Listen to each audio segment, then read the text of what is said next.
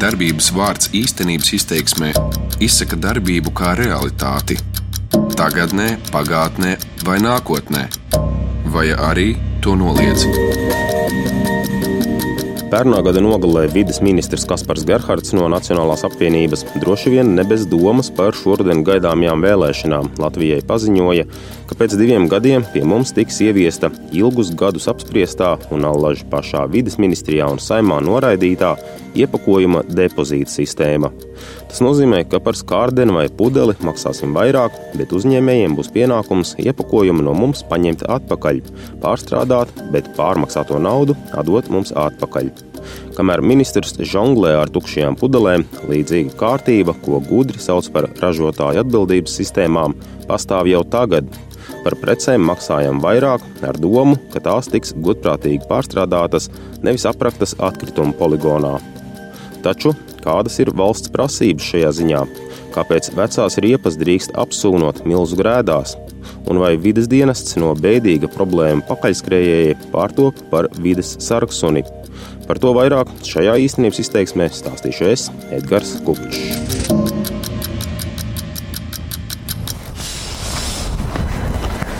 Starta iela 8 Čiekurkalnā Rīgā pērn kļuva slavena, jo mēdījos plaši tika izgaismot problēma ar tur prāvās kaudzēs uzkrātajām riepām. Vides dienests firmai Riepu bloki bija atļāvis turēt 30 tonnas riepu. Tur bija un ar vienu ir vairāk nekā tūkstotis tonu. Lai gan par krāvumiem vides sargi zināja jau senāk, pie skarbiem mēriem tie ķērās tikai pērnā gada vidū. Pusotra tūkstoša eiro sots pirmajā reizē un 5000 mazliet vēlāk nebija pietiekami, lai riepas aizvāktu. Rudenī sekoja darbības atļaujas apturēšana un vairāk nekā 13 miljonu eiro sankcijas. Firmas riepu bloki gada apgrozījums ir 222 tūkstoši eiro, bet gadu tas noslēdz ar 31 tūkstoši eiro zaudējumiem, liecina Lursovs dati. Tādēļ nezinu, vai kādam bija ilūzijas, ka bargaisots tiks arī nomaksāts. Skandāla rezultāts ir teorētisks 13 miljonu eiro nodokļu uzrēķins un apsūnojuši riepu krāvumus nu jau slēgtā teritorijā. Ar to būs jātiek galā zemes īpašniekam, kas laukumu iznomāja riepu blokiem.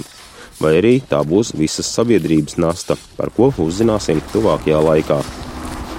Lielākais, kas var uzskatīt, tāpēc, ka es arī pārstāvu šo uzņēmumu riepu bloku, kas bija teiksim, uzņēmums, kas patiešām reāli savāca riepas, patiešām izveda no klientiem.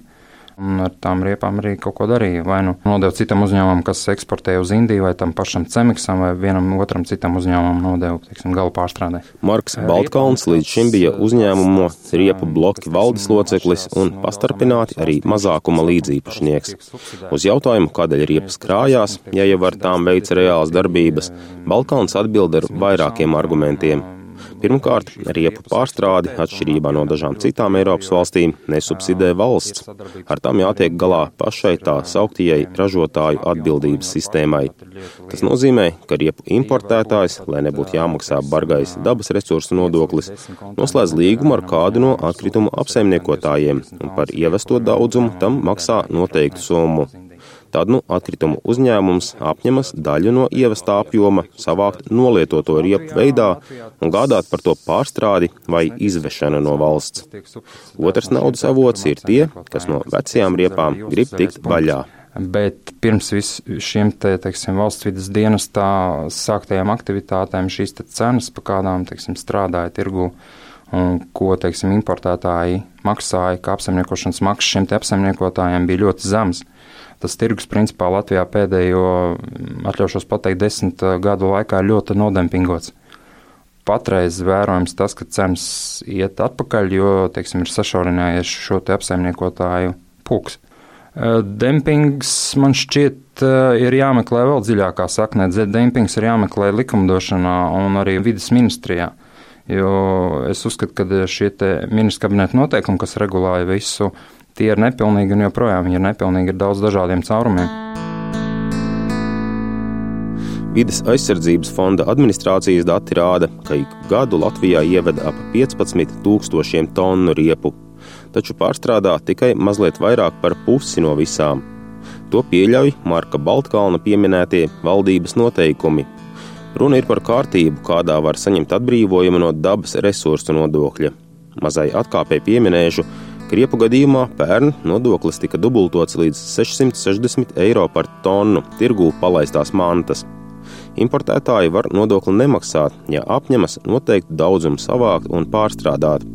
Un līdz pagājušā gada sākumam jāsavāc bija tikai 60% riepu no tirgū realizētā apjoma.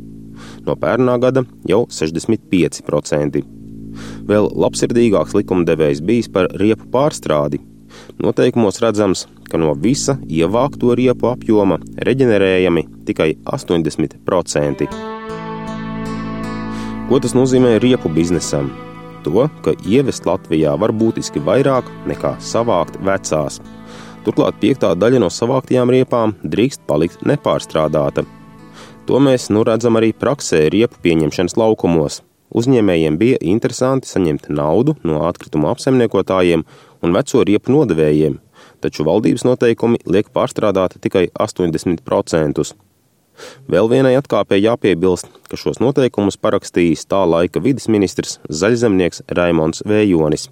Drīz pēc noteikumu spēkā stāšanās firmas Riepu bloki lielākais īpašnieks un bijušais saimnes deputāts Aivars Dronka dāsni ziedoja Zaļo un Zemnieku savienībai.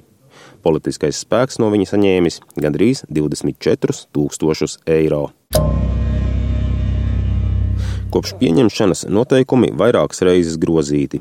Tomēr arī pēc vides aizsardzības jomas nonākšanas Nacionālās apvienības pārziņā nevienai no savākto atkritumu grupām netiek prasīta simtprocentīga pārstrāde.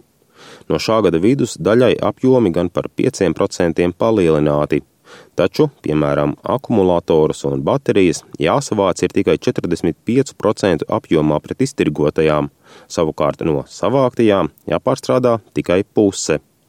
Tikmēr vidas ministrs Kaspars Gerhards uzskata, ka galvenā vaina atkritumu krājumos ir uzņēmēju bezatbildībā un kontroļu trūkumā. Diemžēl ir pielaistas kļūdas, kas pierādījusi to, ka ražotāja atbildības sistēmas netika pietiekami kontrolētas un netika pilnībā tātad, tie mērķi, kas bija paredzēti, ka tieši uz finanšu, uz biznesa, uz konkurences pamata ražotāju atbildības sistēmas varēs šos jautājumus risināt. Diemžēl, kā mēs redzam, tas nenotika.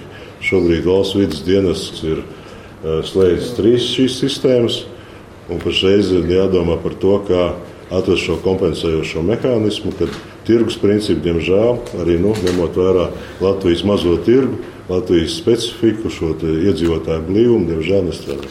Vienkāršāk runājot, izveicīgi uzņēmēji atkritumu tirgu atrada labu oāzi. Viņi solīja tos pārstrādāt vai realizēt ārvalstīs, bet jau avansā par to saņēma naudu no jaunu preču tirgotājiem un veco atdevējiem. Tomēr realitātē atkritumus krāva čupās, bet naudu bāza kabatās. Riepu nozare skaidro, tas tāpēc, ka veco riepu iepirkuma cena pēdējos gados nokritusies līdz 25 eiro par tonu, un par tādu naudu tās nevar ne pārstrādāt, ne aizvest uz Indiju. Bet tāda cena reibināja riepu tirgotājus, jo bez iesaistes ražotāju atbildības sistēmā alternatīva būtu maksāt dabas resursu nodokli jau 660 eiro par tonu. Taču pērn sodīto grēcinieku trijotnē bija ne tikai riepu bloki, bet arī kompānijas Nordic Recycling un Latvijas zaļais elektrons, kam kopumā piemēroja 35 miljonu eiro sodu. Pēdējās divas firmas bija solījušas apsaimniekot izlietoto iepakojumu un vienreiz lietojamos galda piederumus.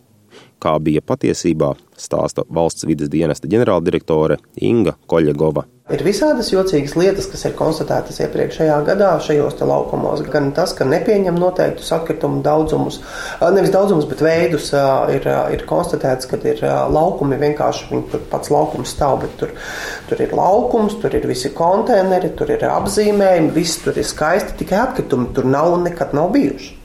Un problēma ir tajā, ka tas laukums vienkārši nedarbojās. Tas nozīmē, to, ka dokumentos ir kā vieta, kur var it kā nodot, bet nav. Jā, un tas nozīmē to, ka atkritumi tur netiek savākt, un tas nozīmē to, ka tā, tā visa atkritumu aprite, kas ir notikusi, ir, ir notikusi uz papīra, nevis dabā.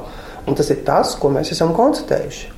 Iedzīvotājiem ir jāvar nodot šos atkritumus tajos laukumos, un tas nav, piedodiet, laukums kā dekorācija, nu, tāpēc, lai skaisti izskatītos. Pārkāpumi bija ne tikai ar fiktīviem dalīto atkritumu pieņemšanas laukumiem.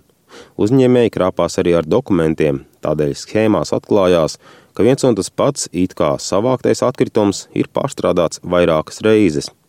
Atskaitēs apjomi bija, taču realitātē atkritumi pārstrādāti netika.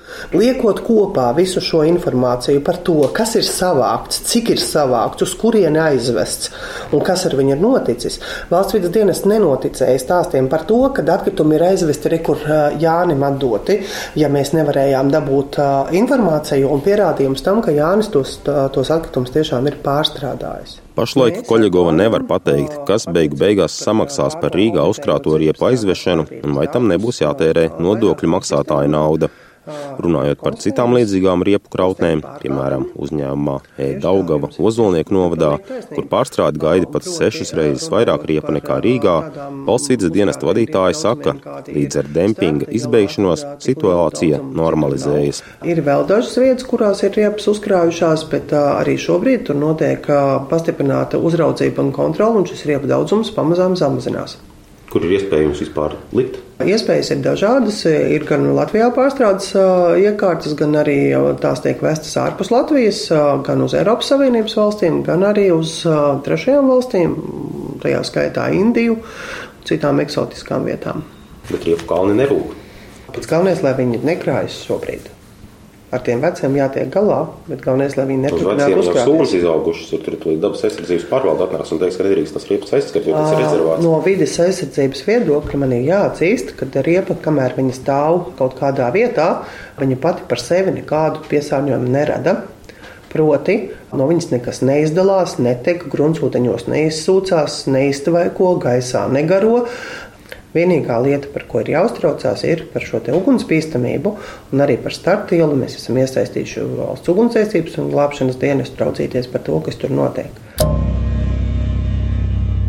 Pērnā gada uguns atkritumu krāvumos slokā bija viens no iemesliem, lai nozares likumus padarītu stingrākus, atzīst Vides aizsardzības un reģionālās attīstības ministrijas valsts sekretāra vietniece Alda Ozola. Arī, diemžēl, ugunsgrēks slokā, tātad, kur arī dega atkritumi, tātad nelegāli atkritumi tad, glabātuvē.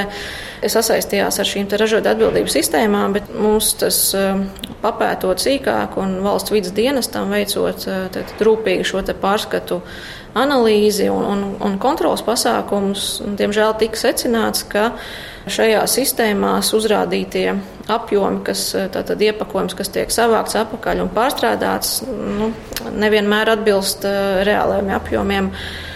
Tas bija viens no iemesliem, kas mums lika veikt grozījumus ražot atkritumu apsaimniekošanas likumā, lai stingrāk uzraudzītu, kontrolētu šīs ražot atbildības sistēmas. Savukārt vides dienesta ģenerāldirektore Inga Koļegova sola, ka pēc negodīgu atkritumu pārstrādātāju izķeršanas pērn Šogad pārbaudīs, cik godīgi strādā policēji šajā nozarē. Pastiprināti pievērsīsim uzmanību tieši reģenerācijas iekārtu pārbaudēji, to jaudu pārbaudēji un tā tālāk. Mums ir apmēram 80 šādas iekārtas, kas ir pastiprināti, tiks uzraudzītas.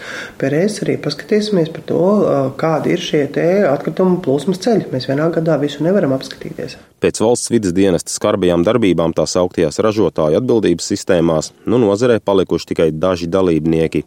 Viņi ir ieguvēji, jo samazinājusies konkurence uz otrais pārstrādājumiem atkritumiem. Tirgus līderi ir divas kompānijas īpašnieku līmenī saistītie Zaļā josta un Latvijas zaļais punkts. Tās kopā gadā apgroza vairāk par 10 miljoniem eiro. Šajos uzņēmumos man neizdevās gūt atsaucību sarunai par atkritumu apsaimniekošanu. Arī biedrības Zaļā brīvība vadītājs Jānis Brīsga norāda, ka šo privāto kompāniju darbs atkrituma apsaimniekošanā ir necaurspīdīgs. Mēs neesam pārkāpuši Eiropas Savienības eh, prasības attiecībā uz atkritumu pārstrādi un šķirošanu. Bet eh, cik tie skaitļi ir ticami, grūti spriest, jo Patiesībā mums nav tādas, nu, mēs kā nevalstiskās organizācijas, piemēram, nevaram piekļūt šai informācijai pie zaļā punkta vai zaļās jostas. Tā ir viņu komerci informācija, tie privāti uzņēmumi, kas, kas operē ar šiem ar datiem. Nu, taču no otras puses valstī arī nav interese parādīt, ka mēs neesam spējuši izpildīt kaut kādas Eiropas Savienības mērķus. ja izrādās, ka kāda no organizācijām nes, nu, tiešām nesavāc tik daudz atkritumus atpakaļ, kā viņi ir uh, apgalvojuši, tad mums var iestāties uh, nepatīkama situācija ar Eiropas komisiju. Tās var būt gan dažādas sankcijas, gan, uh, gan maksājumi, ja mēs nespējam izpildīt šos mērķus. Mērķus mēs nespējam izpildīt vēl kādā ziņā. Valsts dāsnā mētāšanās ar dabas resursu nodokļu atlaišanu uzņēmējiem ir rezultējusies ar robiem budžetā. Kā rāda valsts ieņēmuma dienesta dati, 2016. gadā iekasēti tika nepilni 18 miljoni eiro, jeb 80% no plāna. Pagājušais gads ar jau palielinātām dabas resursu nodokļa likmēm bijis vēl bēdīgāks. 11 mēnešos budžetā iemaksāti 25 miljoni eiro, kas ir par trešo daļu mazāk nekā bija plānots. Tātad nodokļus nemaksājam, bet atkritumu pārstrādi imitējam. Šo raidījumu gatavoja Edgars Kupčs un skaņu operators Kaspars Groskops. Darbības vārds īstenības izteiksmē izsaka darbību kā realitāti. Tagatnē, pagātnē vai nākotnē, vai arī to noliedz.